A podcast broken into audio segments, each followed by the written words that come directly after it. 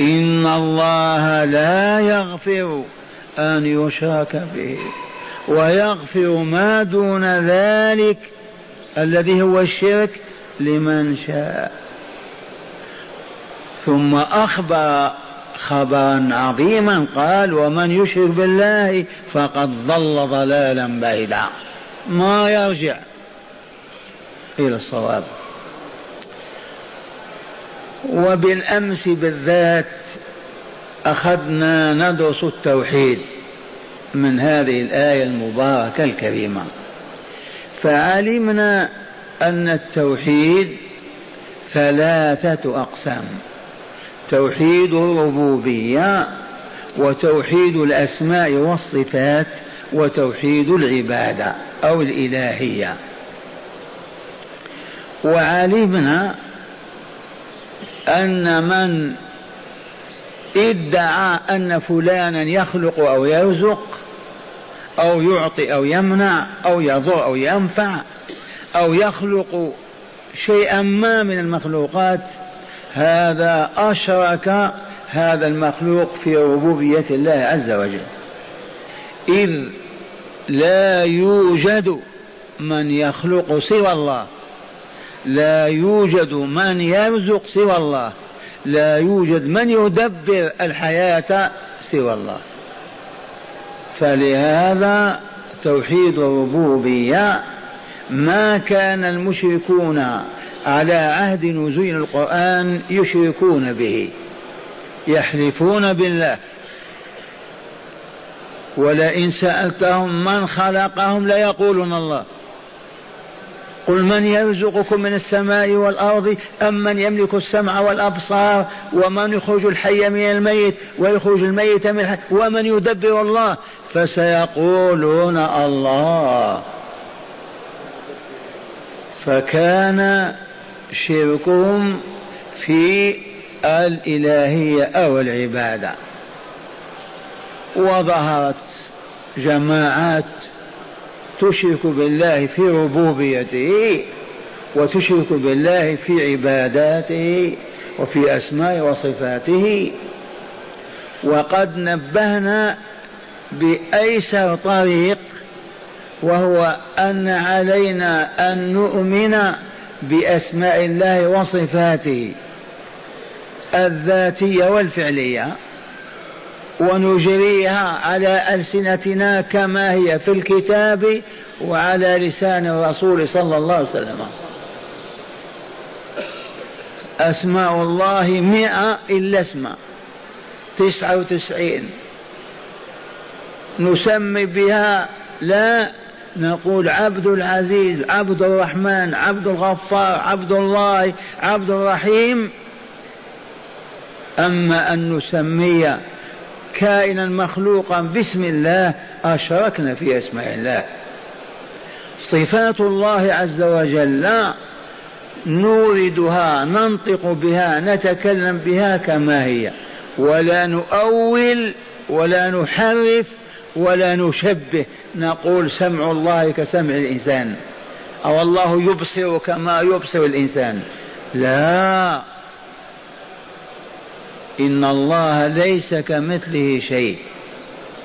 نؤمن بصفاته وقد ذكرنا أمثلة لها كالنزول إلى السماء الدنيا ثلث كل ليل. لا تقل كيف لن تستطيع أن تعرف.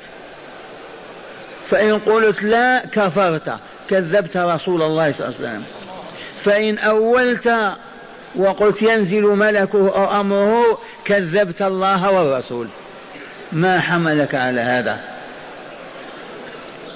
أخبر تعالى أنه خلق آدم بيديه. قل آمنت بالله. لا تقل كيف. ولا يخطر ببالك أن تتمثل يد الله أو تتخيلها. إنك عاجز عن هذا ولن تستطيع أن تدركه لضعفك وعجزك حولك الملائكة الآن يحفون بنا. هل استطعنا أن نراهم بأعيننا؟ لضعف أعيننا. ما هي متأهلة لأن ترى مثل الملائكة والجن. مع أن هذا حادث بيننا. فنؤمن بصفات الله. كما أخبر بها هو عن نفسه وكما أخبر بها رسوله صلى الله عليه وسلم. وذكرنا الحديث الشريف مفسر لآية, لآية سورة قاف. يدخل الله النار ويحشر فيها الكفار والمشركين والمجرمين والظالمين وهل من مزيد دائما؟ كل ما يدفع إليها أج... تقول هل من مزيد.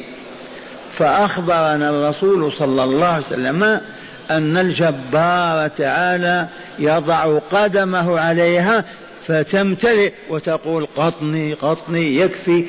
ما بقي مزيد. ما تسأل قل كيف القدم؟ أنت تتصور الله كمخلوقاته. هل ناسج هذا الثوب مثل هذا الثوب؟ فهل خالق هذه المخلوقات يكون مثلهم؟ مستحيل. فآمن. بأسماء الله وصفاته كما آمنت بوجوده وعلمه وقدرته وسلطانه في خلقه. آمن كذلك بصفاته. وإياك أن تحرفها أو تؤولها أو تشبهها بصفات المحدثين والمخلوقين. فإن الله ليس كمثله شيء.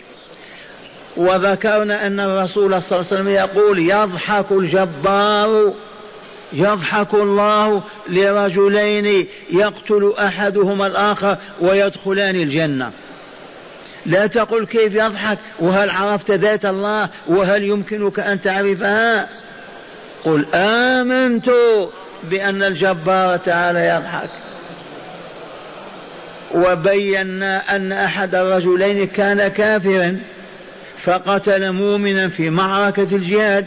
ثم أسلم ذلك الكافر الذي قتل المؤمن ودخل الجنة. والشاهد فقط في يضحك الله عز وجل. يغضب الجبار والا لا لكن لا تحاول أن تفهم غضب الله وتقيسه بغضب المخلوقات. يرضى الرحمن والا لا لقد رضي الله عن المؤمنين. لا تتصور رضا الله كرضا مخلوقاته. هو فوق ذلك. فقط آمن بأسماء الله وصفاته. ولا تشرك فيها كائنا من الكائنات. وهذا وفيناه ما يستحق بالأمس. وانتقلنا إلى توحيد الإلهية الألوهية العبادة المعنى واحد.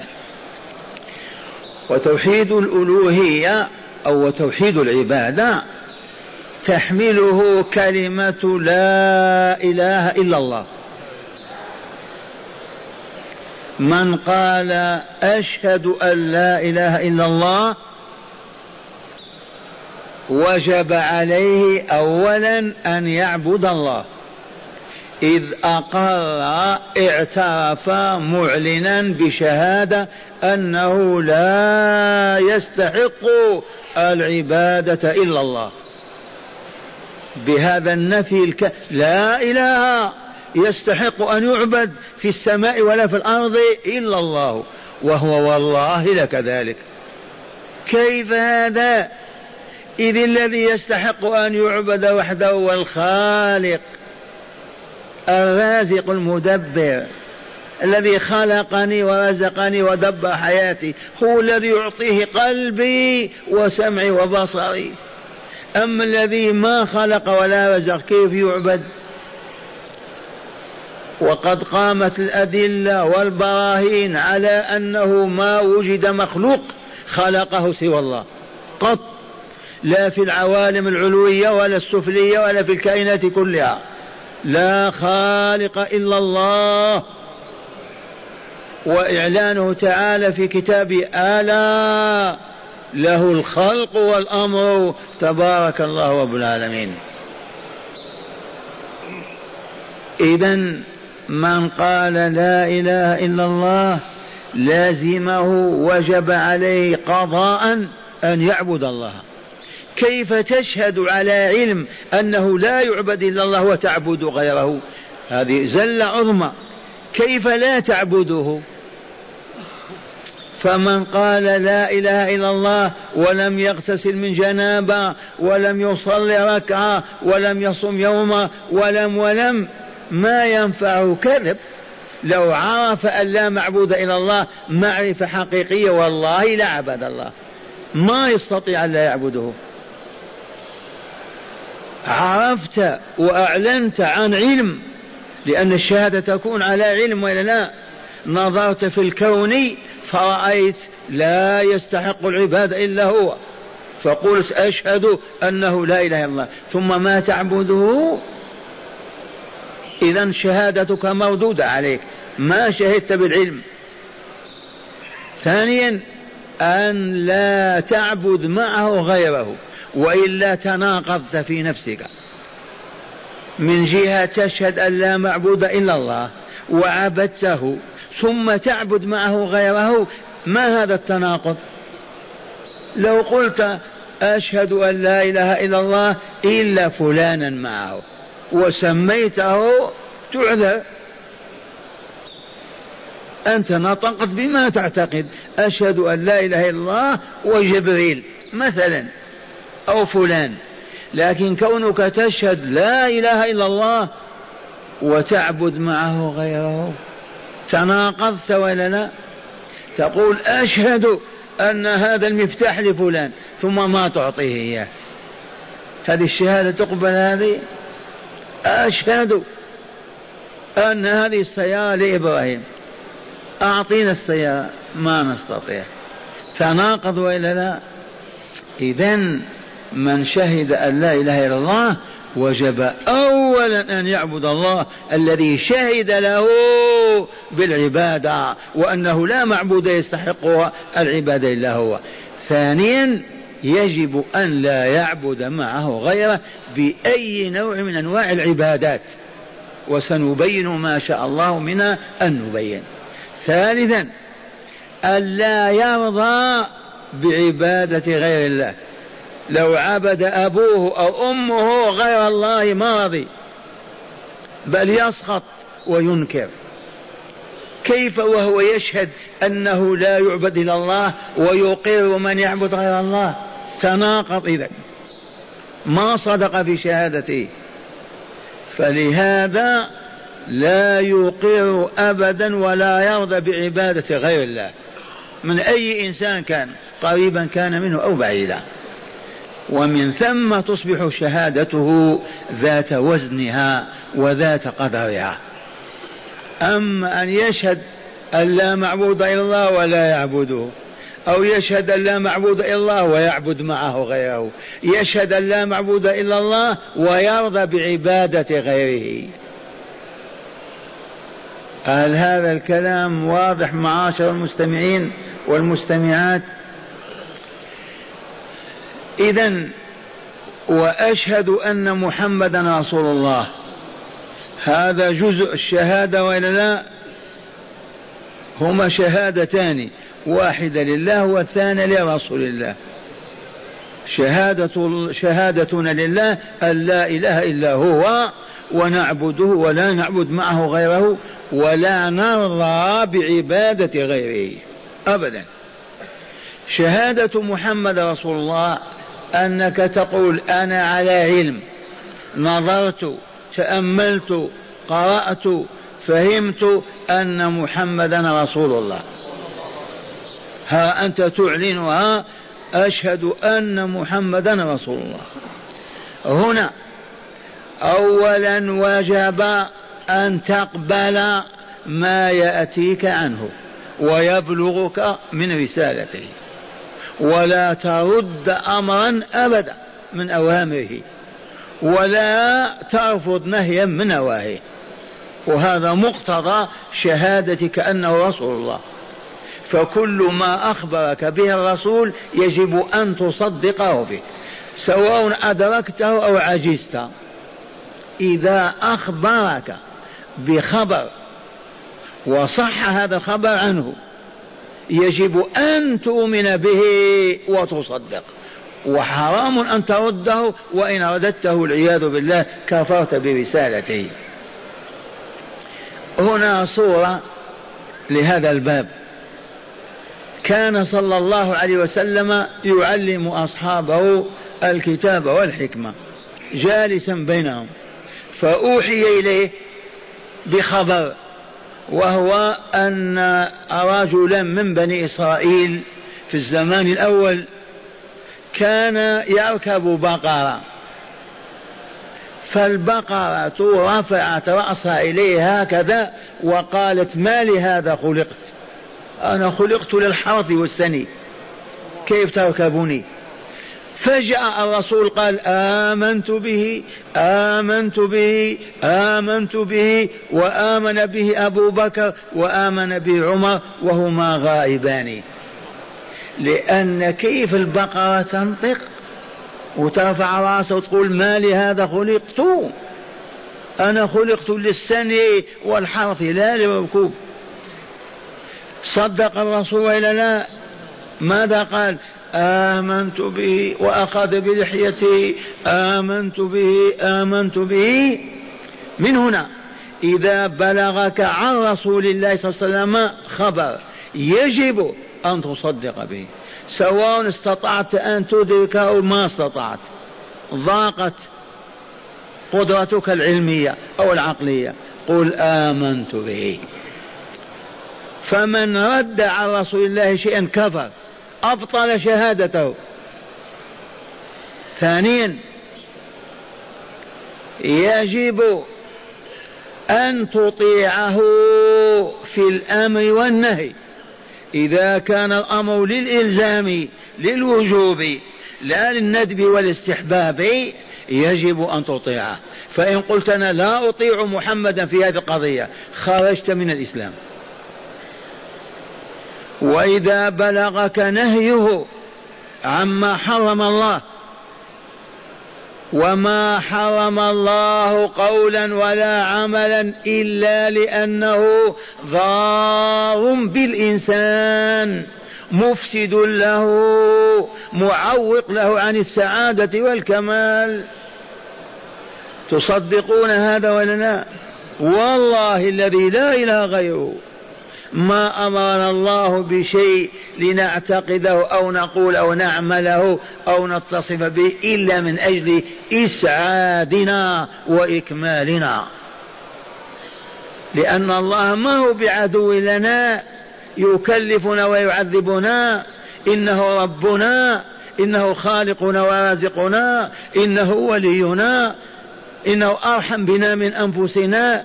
فإذا أمرنا أو نهانا فافهم أن ذلك لصالحنا.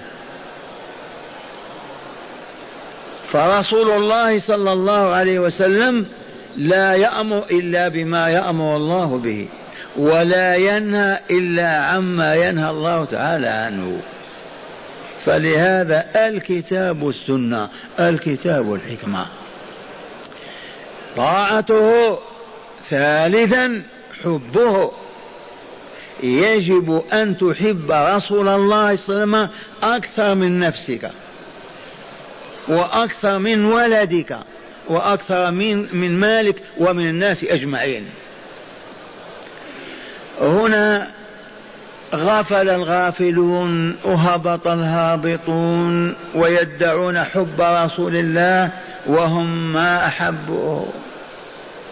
دعاوى فقط لما يسأل عن الحب وحقيقته ما يدري. أعطيكم مثالا فقط تحدثوا به. علمت أن رسول الله يحب كذا. قول أو اعتقاد أو عمل. إن كنت تحب رسول الله سوف تفعل ذلك لأنه يحبه هو. كيف تخالفه وتدعي حبه؟ نعم عجزت.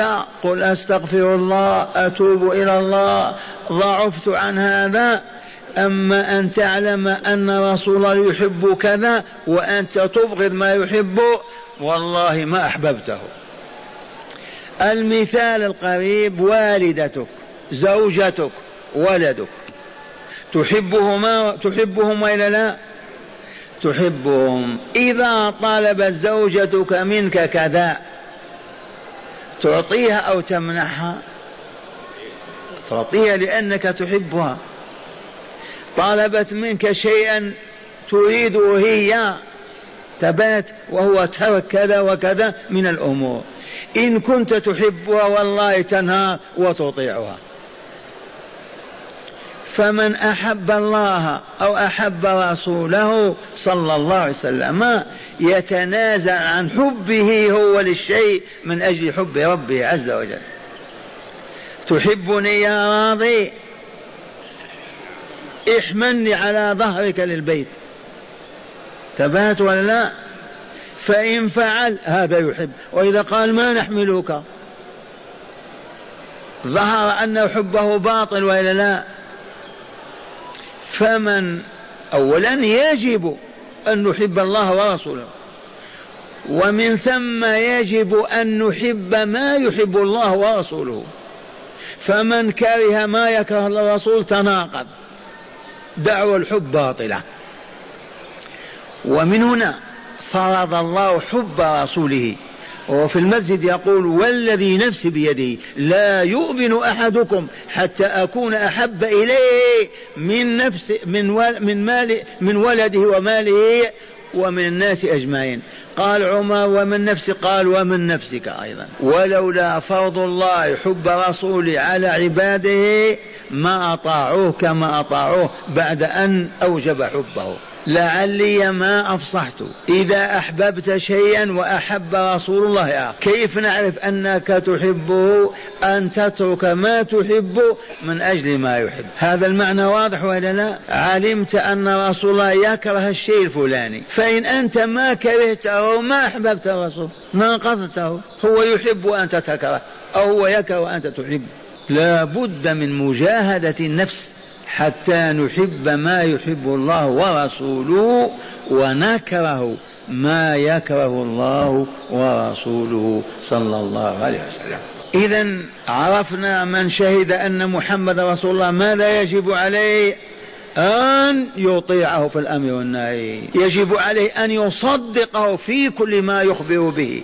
سواء أدركته أو عجزت عن إدراكه. لما أخبر أنه أسري به من بيت أم هاني من المسجد الحرام إلى بيت المقدس ثم إلى الملكوت الأعلى إلى سدرة المنتهى ماذا قال المؤمنون؟ قال أبو بكر صدقناه في أعظم من هذا.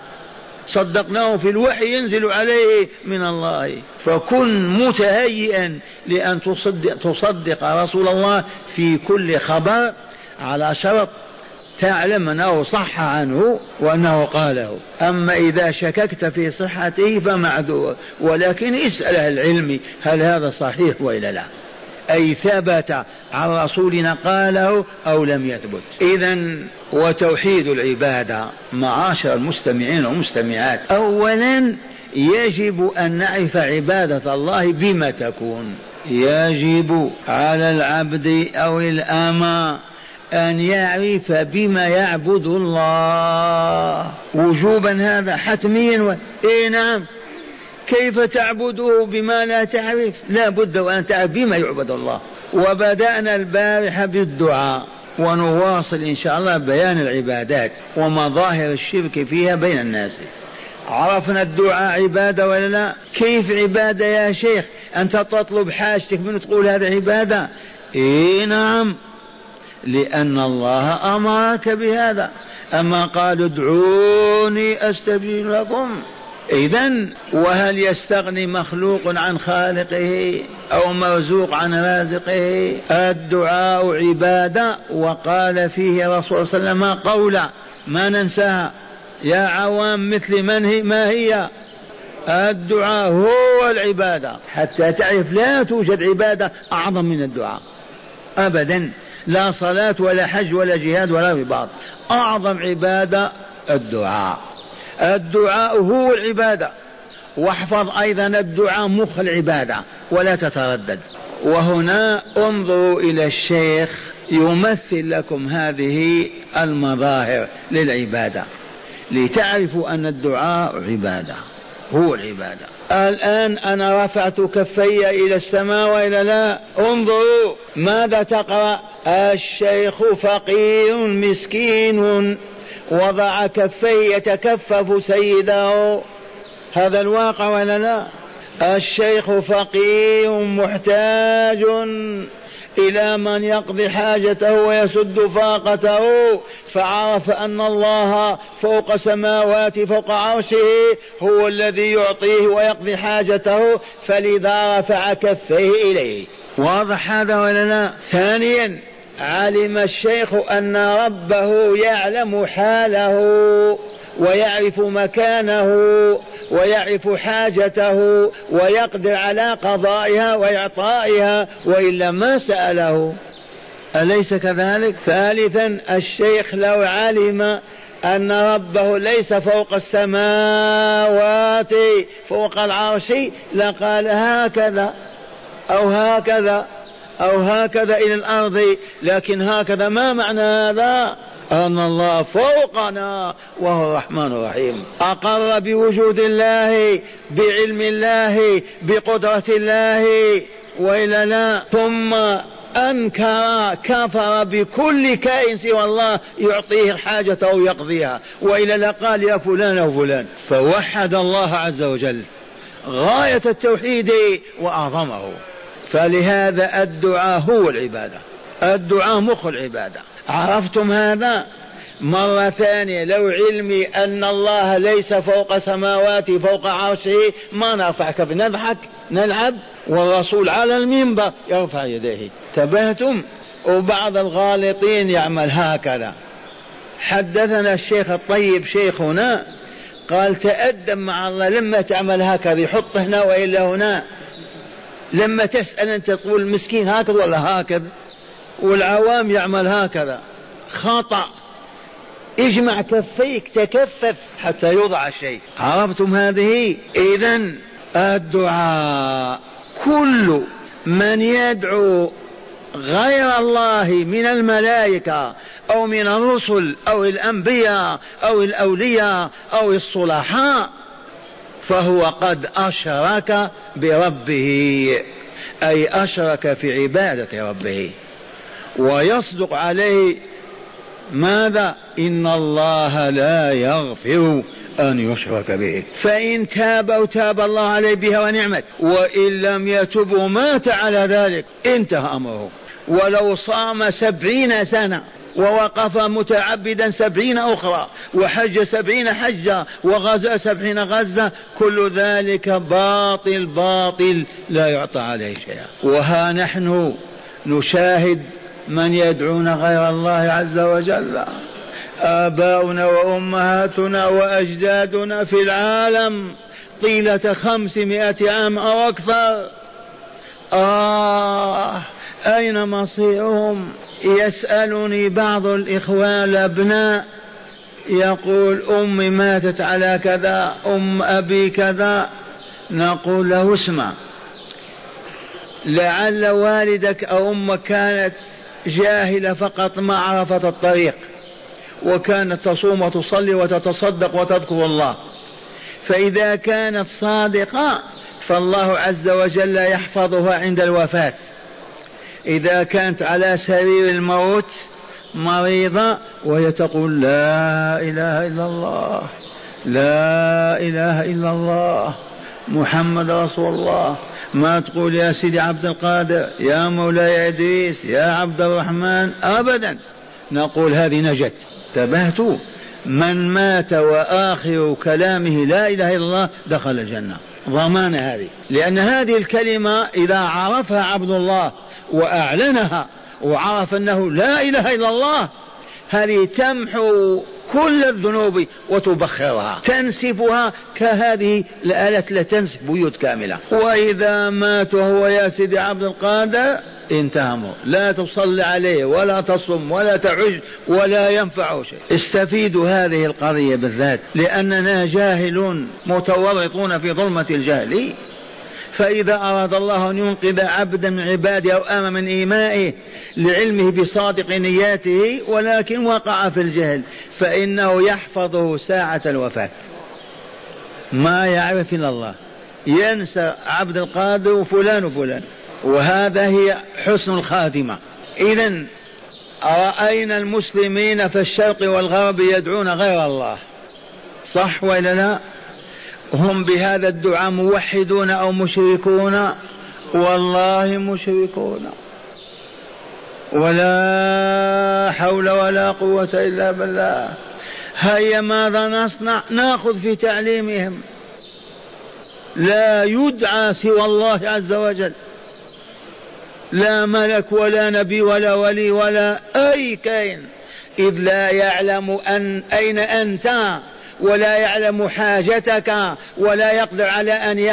ولا يسمعك ولا يقدر على أن يعطيك شيء إلا الله. قف أنت في صحراء ونادي؟ عبد القادر يجي يحضر. نادي رسول الله يأتيك. نادي نادي. والقرآن الكريم بين هذه المواقف من سورة الأحقاف في فاتحتها. ومن أضل ممن يدعو من دون الله من لا يستجيب له إلى يوم القيامة. وهم عن دعائهم غافلون. وأخرى وإذا حشر الناس يوم القيامة كانوا لهم أعداء وكانوا بعبادة كافرين. دي وحدها كافية. هكذا يستفهم الجبار وإلا ومن؟ دلوني. ومن أضل ممن يدعو من دون الله من لا يستجيب له. لو دعا عيسى إبراهيم بين يديه في بيته في السوق يسمع صوته يرى حاجته يقدر عليه لا بأس. وإلا لا. أما يدعو من لا يستجيب له إلى يوم القيامة. والله لو تقف على قبر رسول الله تنادي إلى يوم القيامة. ما استجاب لك. ويوم القيامة والله لا يكفر بشركك. ولا يعترف لك أبدا بأنك دعوته. كيف يعترف أنه عبد مع الله؟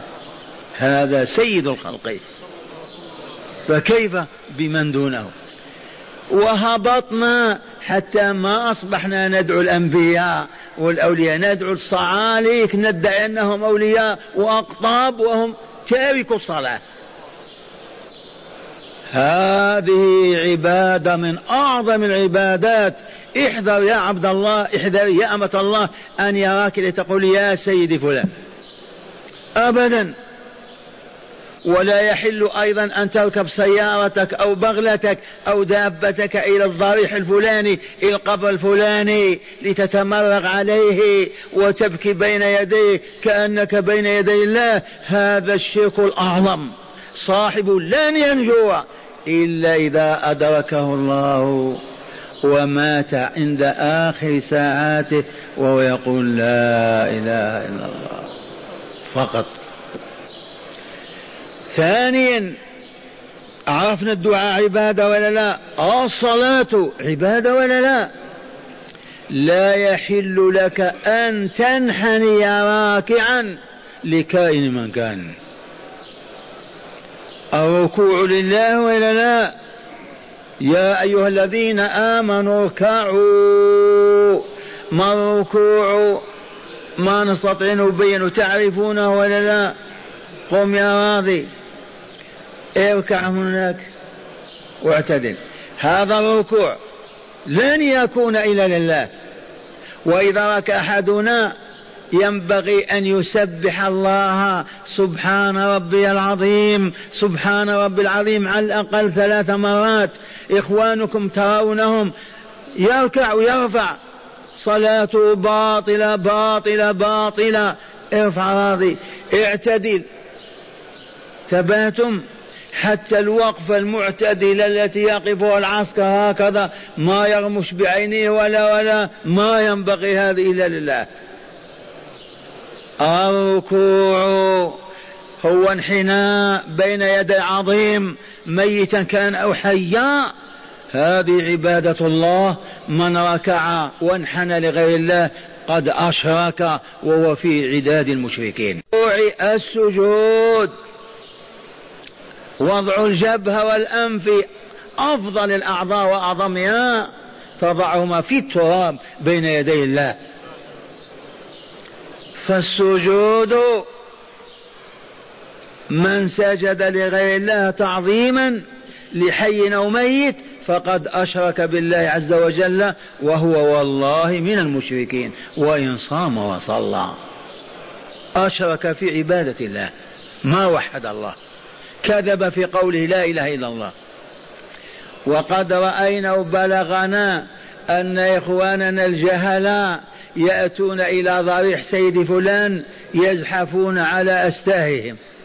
تعظيما. ما فعلوا هذا مع الله ويخرون ساجدين. هذه أخرى بعد الأولى. لا ركوع ولا سجود إلا الله عز وجل. كما لا دعاء ولا سؤال حاجة إلا من الله عز وجل. من العبادات قل إن صلاتي ونسكي ومحياي ومماتي لله رب العالمين لا شريك له وبذلك أمرت وأنا من الم... وأنا أول المسلمين. من أمر الرسول أن يقول هذا؟ الله. قل أعلنها يا رسولنا للعالم. إن صلاتي ويدخل فيها الدعاء والركوع والسجود صلاتي ونسكي. النسك هو الذبح تقربا وتزلفا. وإن كان النسك يطلق على العبادة ولكن يطلق أول ما يطلق على الشاة تذبحها تتملق بها الجبار عز وجل. سواء في حج أو في عمرة أو يوم العيد أو صدقة تتصدق بها الذبح لن يكون إلى الله. أولا بسم الله والله أكبر. لمن تذبحه. ثانيا ألا تلتفت لكائن من الكائنات أن تذبح له ومن أجله تقربا إليه أو تزلفا أبدا. ومن ذبح لولي من الأولياء الأموات والله قد أشرك بعبادة ربه وأصبح من المشركين. حتى ولو قال بسم الله يقول أنا قلت بسم الله ما قلت باسم عبد القادر لكن لما ذبحت يقول لسيدي عبد القادر. الأولياء كثيرون وأسماءهم مختلفة وإلا لا. أنت لما ذبحت لي العيدروس تقول أنا ذبحت بسم الله ولكن نتقرب إلى الله بالذبح لعبده الصالح. العيدروس هذا الذبح للأولياء نظير الذبح للجن والعفاريت. وظننا القضية انتهت وإذا بكتاب يأتينا من حضر موت لمؤمن المؤمنين يقول اذبح شاة سوداء أو كذا. هذه عاصرناها. هات الكتاب. ياتي المريض أو أو أبو المريض أو المريضة للشيخ. الشيخ يفتح الكتاب. كذب. ما في الكتاب؟ يقول ولدك مضروب على الدم أو مضروب على كذا. وإذا أردت شفاء إذبح تيس أسود. وأحيانا يمكرون بهم يعطيه وصف ما يحصل عليه. فلما يموت المريض يقول إحنا قلنا لك نوع كذا. هذه أمتنا. قرون عديدة وهي هكذا. يذبحون للجن. اسمع.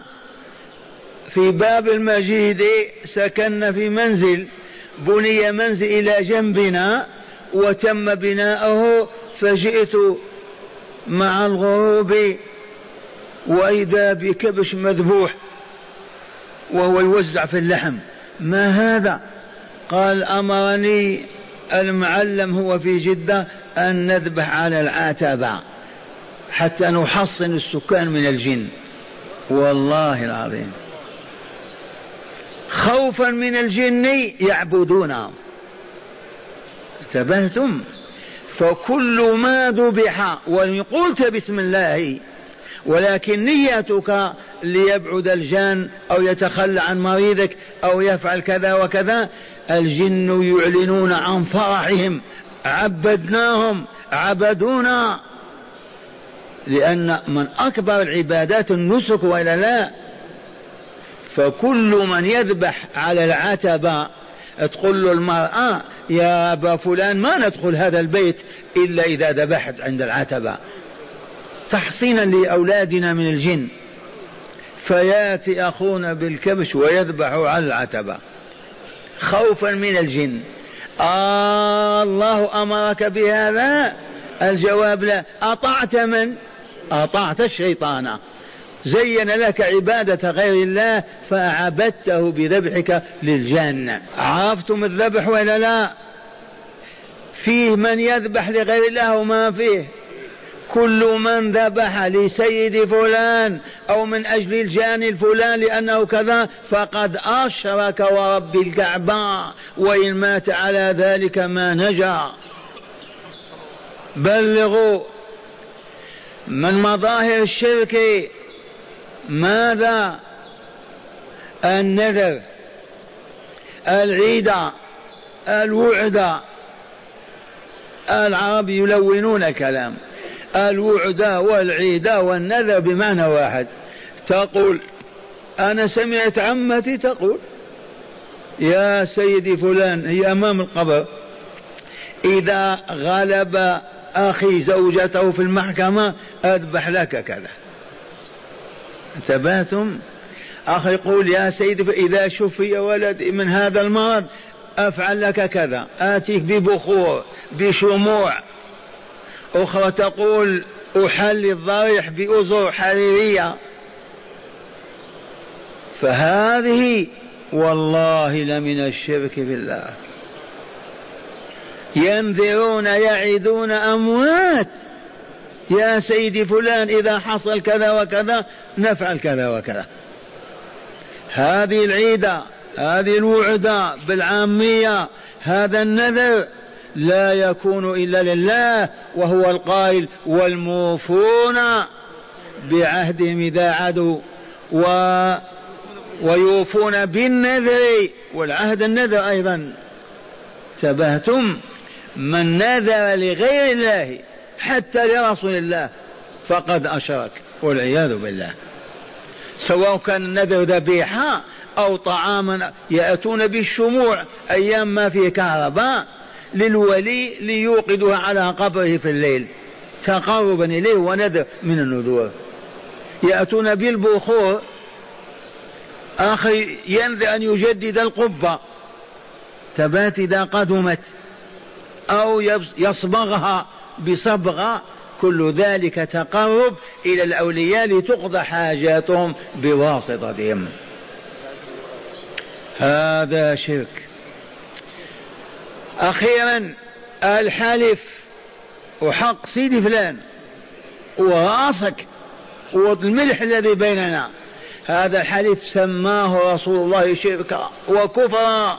هذه سنن ابن الترمذي يقول الحبيب صلى الله عليه وسلم من حلف بغير الله فقد أشرك ومرة قال فقد كفر. ولو ضاق اتسع الوقت نعلمك كيف أشرك. لا يحلف الإنسان إلا بما يراه أعظم من غيره. ذي هي الفطرة.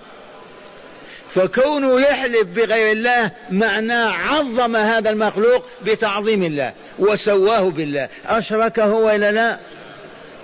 فلهذا لا يحل لمؤمن ولا مؤمنة أن يحلف بغير الله أبدا. على المنبر يقول الرسول ألا ألو إن الله ورسوله ينهيانكم أن تحلفوا بآبائكم ومن كان حالفا فليحب الله وليصمت. معاشر المستمعين ما هنا هناك مظاهر للشرك. ما نستطيع استيفاها في هذه اللحظات عندنا كلمة أخيرة. ما سبب هذا الشرك؟ لأن القرآن ما عندنا. أه؟ لأن السنة أحرقت كتبها وما بقي شيء. كيف حصل هذا الجهل؟ الجواب الكتاب محفوظ بحفظ الله السنة محفوظة بحفظ الله. والذي أوقعنا في هذه الفتنة هو عدونا المكون من ثلاثة أجناس المجوس اليهود النصارى. ما يريدون أن ندخل الجنة ويدخل النار. ما يريدون أن لا يوجد بغاء ولا زنا ولا عهر ولا خمر ولا باطل في ديارنا ويوجد في ديارهم. على علم. فعملوا على تجهيلنا. إذ علة هذا الشرك والله له الجهل أقسم بالله. الجهل. القرآن حولوه إلى الموتى. ما يتدارسونه هكذا أبدا. في هامش أو حاشث على شرح خليل يقول القائل تفسير القرآن صوابه خطأ. إذا فسرت وأصبت أنت مخطئ. وخطأه كفر. فعاشت أمتنا قرى ومدن 200 300 سنة ما يفسرون آية. كيف يعلمون؟ السنة للبركة. رأيت هذا في ديارنا الجزائرية في الجامع الكبير ورأيناه في الروضة الشريفة إلى غد. سيدخل رمضان وتجدون جماعة من أهل الخير عاملين حلقة في الروضة يقرؤون سيد البخاري للبركة. فقط لا يريدون أن يفهموا حكما. الرسول يتكلم بالباطل يعني كل كلامه شرائع وقوانين وآداب وأخلاق. حدثنا حدثنا نقرأ سيد البخاري للبركة. وبلغهم هذا البكاء أربعين سنة وما زالوا. لأن أمة هبطت. من يرفعها؟ عرفتم الجهل وإلا لا؟ والله له الجهل. أما من عرف الله وامتلأ قلبه بحبه والخوف منه يسمع فقط كلمة محرمة لا يقول حتى الموت. يسمع فقط حركة يكرهها الله والله ما يتحركها. ولو كان عاش خمسين سنة يعملها. بمجرد ما يعرف أن الله ما يرضى بهذا ما يفعله. ومن لم يعرف الله يرقص. وهم ينقصون. الجهل كيف نقضي على الجهل؟ الخلافة الإسلامية خرافة هذه. والله ما تقضي على الجهل. كيف نقضي على الجهل؟ الجواب وكررنا هذا والله يعلم ويشهد أن على أهل القرية المسلمة عربية أو عجمية في الجبال أو السهول عليهم أن يجتمعوا بنسائهم وأطفالهم في بيت ربهم كل ليلة وطول الحياة. كاجتماعنا هذا من المغرب إلى العشاء. ليلة آية من كتاب الله يدرسونها يفهمونها يعملون بها. ليلة أخرى حديث من أحاديث الرسول صلى الله عليه وسلم وهم يتعلمون ويعملون فتتهذب آدابهم وأخلاقهم فترتفع مستويات علومهم ومعارفهم تطهر قلوبهم من الشرك والزيغ والباطل. أهل المدن كل حي من المدينة أهله يجتمعون فيه من المغرب إلى العشاء ليلة آية وليلة حديثة فقط. لا قال سيدي فلان ولا فلان ولا أنا مذهب مالك ولا حنبلي. قال الله قال رسوله لا فرق ولا انقسام لا أباضية ولا زيدية ولا سنية مسلمون. نتعلم كتاب الله وهدي رسوله صلى الله عليه وسلم. هذا هو الطريق. هذا الذي يزيل هذه المحن والإحن. هذا الذي يجمع الكلمة هذا الذي يطهر القلوب هذا الذي يجعلنا أمة واحدة. أهل القرية والله كأسرة واحدة. يبكون إذا بكى أحدهم ويضحكون إذا ضحك أحدهم. بدون هذا النظام الإلهي الذي جاء به رسول الله هيهات هيهات أن نعلم. ولو فتحنا في كل زاوية مدرسة. خمت الدنيا بمدارس أبنائنا وبناتنا وإلا لا. في كل العالم حتى البلاد الفقيرة. هل نفع هذا العلم؟ ما نفع. لأنه ما أريد به وجه الله. نحلف لكم. ما أريد به وجه الله. أريد به الوظيفة ولا لا. تعلم يا ولدي لتكون كذا. من يرد علي؟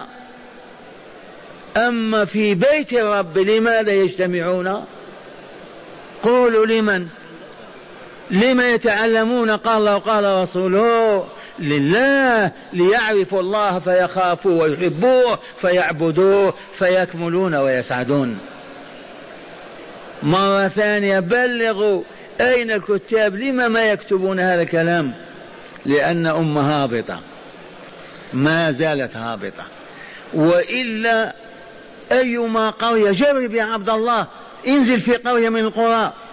واجمع الناس بعد المغرب. الفلاح يضع المسحات على جهة والتاجر يغلق بابه ما بقي عمل. هيا إلى الله. نجلس بين يديه نبكي فقط. يفرج ما بنا. ما يريدون.